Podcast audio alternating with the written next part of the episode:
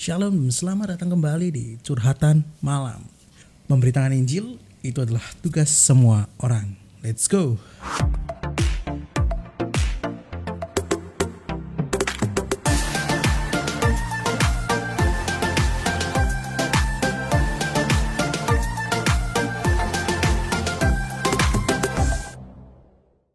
Pada curhatan malam hari ini kita akan berbicara tentang bangun. Ketika aku tadi ngerenungkan hal ini, sebenarnya aku tadi itu dapat ketika aku ikuti salah satunya Ko Philip. Um, ketika aku inget-inget lagi, bener sih, kadang ya, ketika kita mau memberitakan firman Tuhan, itu serasa kayak susahnya minta ampun. Mungkin ada orang yang berpikir kayak gini, temanku lo gak bisa diinjili, kayak gitu temanku sudah susah sudah mustahil Wis aku di, di post IG juga bingung gimana di story gimana terus caranya apa loh kok kayak gitu. Kalau aku coba bilang apa kalian tanya, kalau aku tanya cara mungkin aku bisa jawab tapi ya gak tahu gitu. Tapi hati kalian kayak gimana itu yang aku terus pengen tanyakan kayak gitu. Karena kita tuh nggak bisa berjalan pakai caranya kita kayak gitu. Harus pakai caranya Tuhan jadi ketika kita yang kita bisa lakukan apa? Kita tanya Tuhan hari ini siapa yang kau ingin aku jangkau? Tanamkan namanya. Gitu. Aku siap untuk pelayanan hari ini. Pakailah aku. Mungkin kita ketahan sama status sosial. Aku siapa sih? Status pekerjaan misalnya. Sorry profesi pekerjaan. Apa sih profesiku Tuhan? Kayak gitu. Aku cuman misalnya sorry itu sih ya bukan merendahkan ya um, OB misalnya atau cuman sekretaris misalnya cuman ibu rumah tangga atau cuman uh, apa pun lah jabatannya. Tapi hari ini mau bilang bahwa Tuhan tuh gak mencari metode tapi Tuhan mencari hati. Tuhan gak mencari yang mampu tapi yang cari yang mau. Karena banyak banyak ladang menguning tapi sedikit yang mau untuk berdiri untuk Tuhan. Aku mau ceritakan satu kisah. Mungkin kalian suka anak-anak rohani udah tahu sih rata-rata ya aku pernah di semester 3 ketika aku saat itu di rooftop kuliahku tempat gedung kuliahku aku lagi saat itu tiba-tiba ada satu orang yang lewat aku tahunya dia itu persekutuan ikut persekutuan kampus tapi sudah gak aktif. Jadi setelah itu aku langsung karena aku nggak seneng mukanya langsung selesai dan mau turun karena muka air tak songong ya bun. Tapi dia cuma kayak males gitu loh. Lihat mukanya aja kayak marah gitu dan mau mangkal kalau orang Jawa bilang. Dan ketika aku mulai mau, uh, mau turun tiba-tiba badanku kayak terdiam gitu ibaratnya ya. Kayak kaku dan berkata kayak samperin dia kayak gitu. Dan di titik itu aku belajar taat aku putar balik dan aku tanya. Dia tanya bahasa basi lah ya. Dia gitu gimana kuliahnya? Kebetulan juga satu jurusan. Terus tiba-tiba aku nyeplos tuh mulai nyeplos bahasa Jawanya apa? Eh bahasa Indonesia apa ya? Langsung ngomong nggak sengaja ngomong lah kayak gitu. Nggak pernah ikut ibadah kampus lagi nih aku bilang kayak gitu. Nah terus dia ngomong sudah jarang kok atau apa gitu lupa aku. Di situ aku ceritain kebaikan Tuhan dalam hidupku. Aku tuh orangnya gampang ngedistract ya jadi kalau aku cerita kepada orang kayak face to face tuh kadang kalau misalnya baru kenal atau gimana aku nggak nggak ini sih nggak lihat mukanya biasanya. Gitu. Dan kebetulan aja memang nggak lihat mukanya juga. Karena gampang ke distract. Takutnya saya overthinking ya pun kayak gitu. Terus aku cerita aja dari awal sampai akhir cuman sekelibetan lah orang ngomong gitu ya. Nah tiba-tiba ketika aku nolak lagi orangnya sudah nangis menderu-deru. Aku bisa ngerasain dampak kasih yang luar biasa bahwa kita itu bersama dengan Tuhan dan hadirat Tuhan bersama dengan kita. Bahkan even kita itu belum ngomong oh, kita itu bisa nangis. Karena hadirat Tuhan yang luar biasa. Aku ini cuma seorang mahasiswa bukan lulusan teologi bukan lulusan apa pun. Tapi Tuhan mau pakai aku yang ini ini. Kayak ini berarti gak ada status sosial yang ketahan. Eh sorry dari profesi pekerjaan yang menahan kita tuh memberitakan Injil. Memberitakan Injil itu bukan hal yang kayak sakral bukan yang kayak uh, kok kamu salah? Kamu mati. Tidak tidak apa-apa kan? Nggak sengaja salah itu tidak apa-apa. Itu namanya proses pembelajaran. Tapi hal yang paling bodoh yang kita nggak lakuin adalah kita tahan firman itu di kita. Jangan ngomong aduh nggak mungkin. Yang penting kalian mau ndak? Doain dulu orang yang kalian mau mau jangkau. Kalau misalnya kalau misalnya kayak dadakan kayak tadi Tuhan bisa kok pakai orang dadakan dadakan kayak gitu waktunya itu mesti gitu. Sering banget ketika aku mungkin nggak sengaja nggak sengaja turun ke bawah gitu ya karena aku malas ngerjain project aku turun di, di kayak di lapangan gitu lah ya intinya. Nah terus ketemu dengan satu orang orang Katolik tapi yang sudah jadi agnostik apa, apa gitu lupa aku. Kayak gitu eh ateis atau apa ya? Aku lupa ya. Terus tiba-tiba aku debat di sana kayak gitu. Ya itu kesalahanku sih harusnya aku minggir kayak gitu. Karena ya tapi maksudku di situ aku belajar bahwa kita tuh kan terus gampang ketemu kalau kita mau kayak gitu. Tapi sayangnya ada kesempatan tapi kita nggak peka karena kita nggak pernah minta. Kita nggak bakal ngeh kalau kita nggak fokus dengan itu. Sama aja misalnya kita tahu ada pekerja kita gak, apa namanya kita nggak mau cari peluang kerja. Misalnya segampang itu aja. Kita nggak mau cari kerja ya kita nggak akan tahu peluang kerja itu di mana. Kita nggak pernah buka loker loker Instagram yang isinya loker pekerjaan kita nggak akan tahu ada peluang paham gak sih maksudnya ketika kita nggak mensengajakan untuk mau fokus dengan jiwa-jiwa kita kehilangan peluang untuk menangkap jiwa-jiwa simple itu kalian bisa pegang itu Ketika kalian mulai fokus dan berkata Tuhan, hatiku untuk jiwa-jiwa, Tuhan berikan aku hati yang mengasihi jiwa-jiwa. Tuhan mulai bukakan mata kalian. Ini loh orang ini. Aku nggak bisa ngomong cara kalian bisa dapat orang ini, tapi ada satu perasaan berkata orang ini yang kamu harus bawa kayak gitu. Bahkan even kadang itu ketemu dengan anak rohani yang nggak sengaja karena organisasi, karena mungkin karena cuma satu persekutuan doa tiba-tiba langsung kayak oh ini anak nih kayak gitu jadi memberitakan Injil itu itu bukan hanya sekedar cuman memberitakan ngomong Yohanes 1 ayat 1 pada mulanya firman. Bukan hanya sekedar itu itu penting sangat sangat sangat. Tapi hal yang paling penting adalah mereka bisa merasakan aplikasinya melalui kehidupan kita. Dan bukan hanya sekedar kita cuma ngomong uh, langsung ngomong just, terang-terangan firman tidak perlu. Kalau memang belum waktunya kita harus berhikmat. Makanya kita kejar bukan berkat tapi hikmat kayak gitu. Bukan hanya sekedar pengetahuan tapi hikmat yang kita kejar. Kayak gitu. Jadi maksudnya gimana sih kok bulet aja gitu mungkin ada bilang kayak gitu. Muter-muter aja ngomongnya. Coba ya. Kita ada orang yang mungkin nganggur. Kita lebih enak ngomong eh kamu kamu ini ya masih ngelakukan pornografi ya? Nah, orang tuh apa gak muntak ketika ke teman kita misalnya. Oh, kamu pornografi ya? Kamu masih rokokan ya? Kayak gitu lebih enak gimana kalau misalnya kita ngomong eh kamu nganggur nggak? Eh ke gereja yuk. Lebih enak mana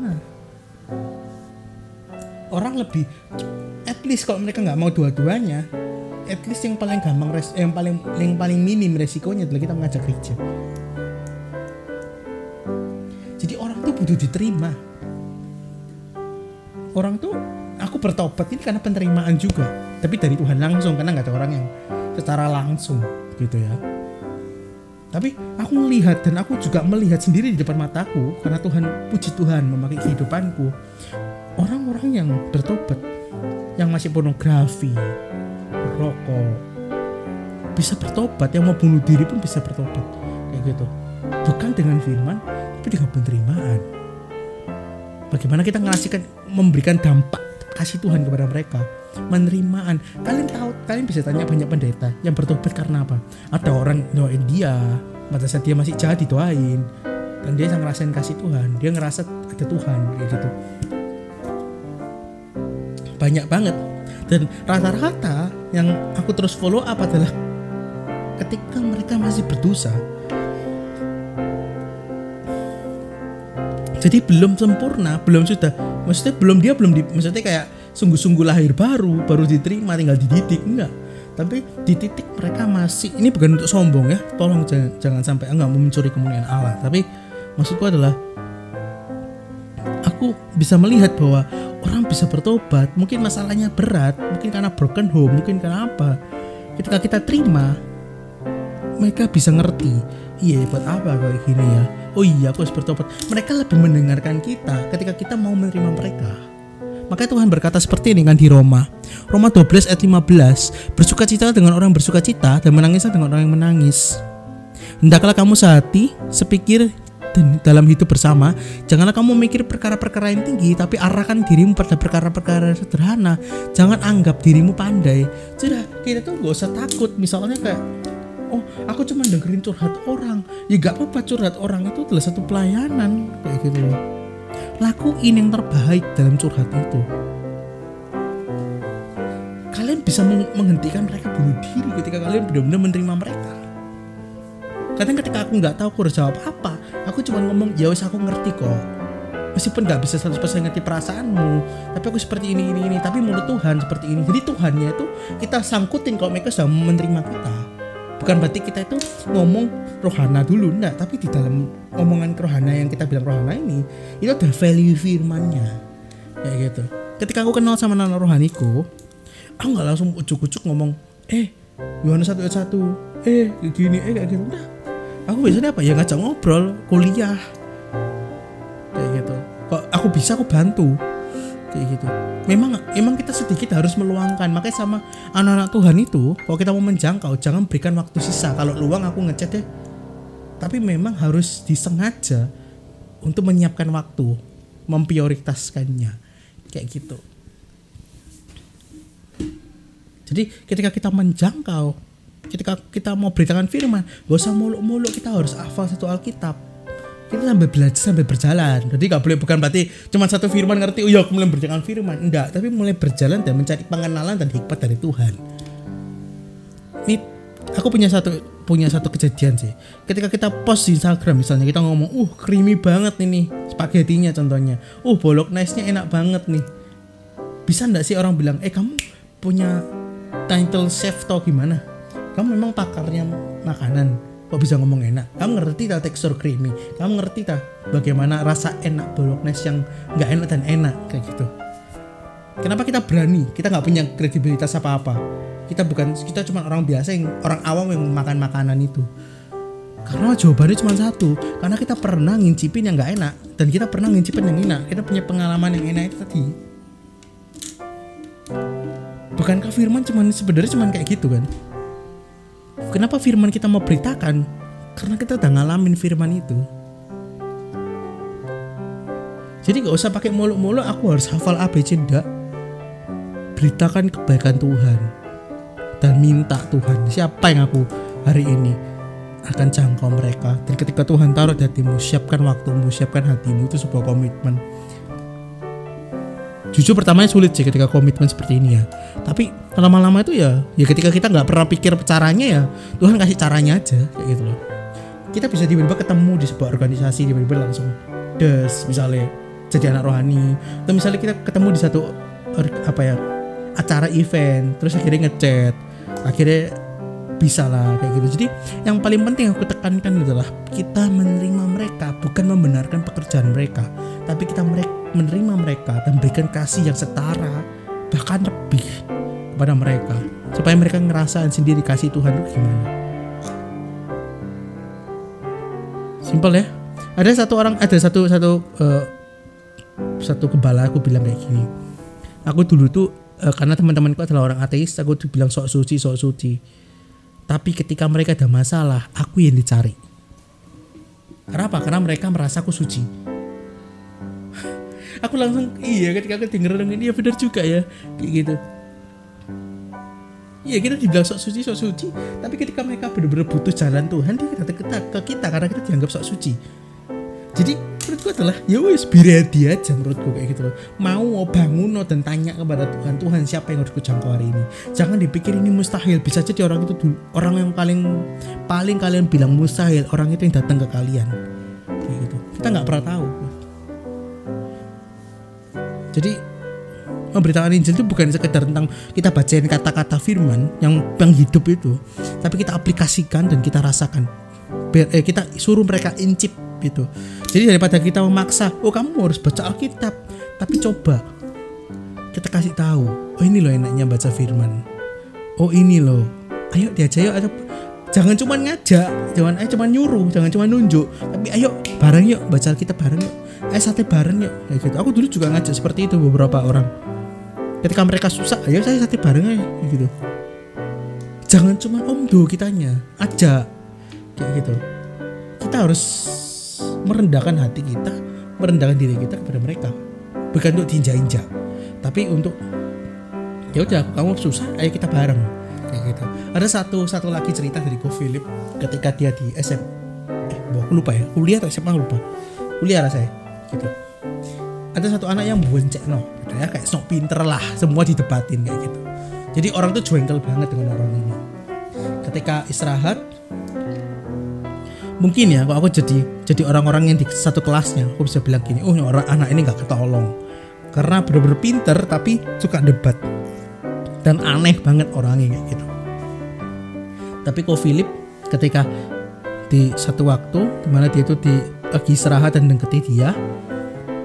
Dia nggak ngomong tentang kesalahannya. Dia ngajak tiba-tiba ayo berdoa yuk. Tapi harus pakai hikmat ya. Nah terus yang disuruh doa adalah orang itu karena dia itu lagi sakit hati karena semua orang benci dia. Dan akhirnya ketika dia sudah mulai berdoa dia nangis. Akhirnya baru kau Philip yang doain dia. Kayak gitu. Dan orang itu bertobat. Dan akhirnya gak pernah buat masalah lagi jadi kalian tahu ya orang-orang yang baik orang-orang yang nakal di SMA ini yang aku lihat ya yang aku sendiri. Orang-orang nakal itu deket banget dengan orang-orang yang terima dia. Guruku orang-orang yang baik banget sabar banget justru deket sama orang-orang yang nakal. Kayak gitu. Karena mereka nggak melihat mereka itu anak nakal tapi mereka tekes, mereka anak yang cuma salah jalan. Jadi mereka harus diterima kayak gitu loh. Jadi ayo kita bukan yang sekedar takut caranya tapi minta dulu caranya. Paham ya? Bukan takut akan caranya tapi minta caranya. Tuhan aku mau selamatin orang ini. Ya apa caranya? Kita tanya kita sambil minta. Bukan mem, bukan untuk menuntut tapi mau minta. Tuhan mungkin lewat sini tak Tuhan? Mungkin lewat sini lewat cara ini lewat cara ini. Atau Tuhan gerakan langsung. Misalnya kamu buat sekumpulan gitu misalnya. Atau kamu buat IG atau kamu buat kayak podcast seperti ini. Cara yang paling gampang lagi adalah apa gak usah gak usah repot-repot kalian punya satu worship aku worship kalian send kepada mereka sudah memberitakan firman loh. Jadi beritakan firman bukan verbal doang, tapi lakukan firman. Itu sama beritakan firman. Tunjukkan kasih karena kekristenan tentang love. Kasih Tuhan Yesus dalam hidup kita. Niatan, ketika kalian terima mereka dulu dengan kasih, kalian gak perlu capek tuh ngubah dia. Tinggal kalian ngomong dia denger dan dia lakuin. Karena dia bisa ngerasain. Jangan cuma kasih teori, tapi suruh mereka ngincip teori itu. Terima mereka dan pelan-pelan ubah hidupnya. Jadi tapi nggak enak loh kaku banget kayak banyak banget persoalannya. Kalian kalian nggak pernah coba? Karena kalian nggak suka di zona, zona nyaman kalian. Kalau kalian sudah lepas dari zona nyaman kalian kalau kalian sudah mulai masuk dan kalian mulai satu penuaian hidup kalian akan lebih bahagia dari seribu orang. Eh kalian dapat 2000 miliar mungkin. Oh 2000 miliar sorry. 2000 dolar sorry 2000 dolar 3000 juta dolar itu lebih lebih lebih apa ya? Lebih bahagia dari itu. Kalian akan ngerasain cita surga. Dan ngerasa apa? Luar biasa. Jadi terima mereka dan kasih value mereka. Dan cuman dikasih firman. Itu kalau mereka sudah benar-benar sudah jadi murid kita tanda kutip ya. Ya memang jadi murid kita kan kita harus memuridkan terus. Baru kita mulai kasih value terus hampir setiap hari mungkin atau beberapa kali mungkin. Kayak gitu tapi jangan lupa hikmat perlu dipakai oke okay? semoga ini memberkati kalian mungkin cuman ya cuman sharing-sharing tapi Semoga ini memberkati kalian. Aku percaya pasti. Jadi punyalah ekspektasi untuk kalian terberkati. Sebelum selesai kita doa dulu. Tuhan terima kasih buat hari ini kami mau bangun Tuhan. Kami mau beritakan firman. Kami mau memberitakan Injil. Kami minta Tuhan untuk kalian eh untuk engkau pakai hidup kami Tuhan. Kami mungkin bukan manusia yang hebat, tapi kami adalah orang-orang yang mencari Tuhan akan pengenalan akan Kau. Hikmat yang Kau berikan Tuhan, kami cari Tuhan. Dan kami pengen orang lain merasakan apa yang sudah kami rasakan Tuhan. Biarlah kehendak yang sempurna Tuhan, pakailah kami secara sempurna Tuhan. Biarlah kami berjalan di atas air untuk memenangkan jiwa-jiwa Tuhan. Di dalam nama Yesus kami berdoa dan mengucap syukur. Haleluya. Amin. Oke guys, kalau kalian suka dengan curhatan malam ini seperti biasa, kalian boleh untuk share. Salah satu cara memberikan firman adalah share. Share podcast episode ini. Boleh. Atau episode episode sebelumnya yang kalian terberkati banget kalian boleh share kepada orang-orang yang membutuhkan. See you di episode berikutnya and God bless you. Bye bye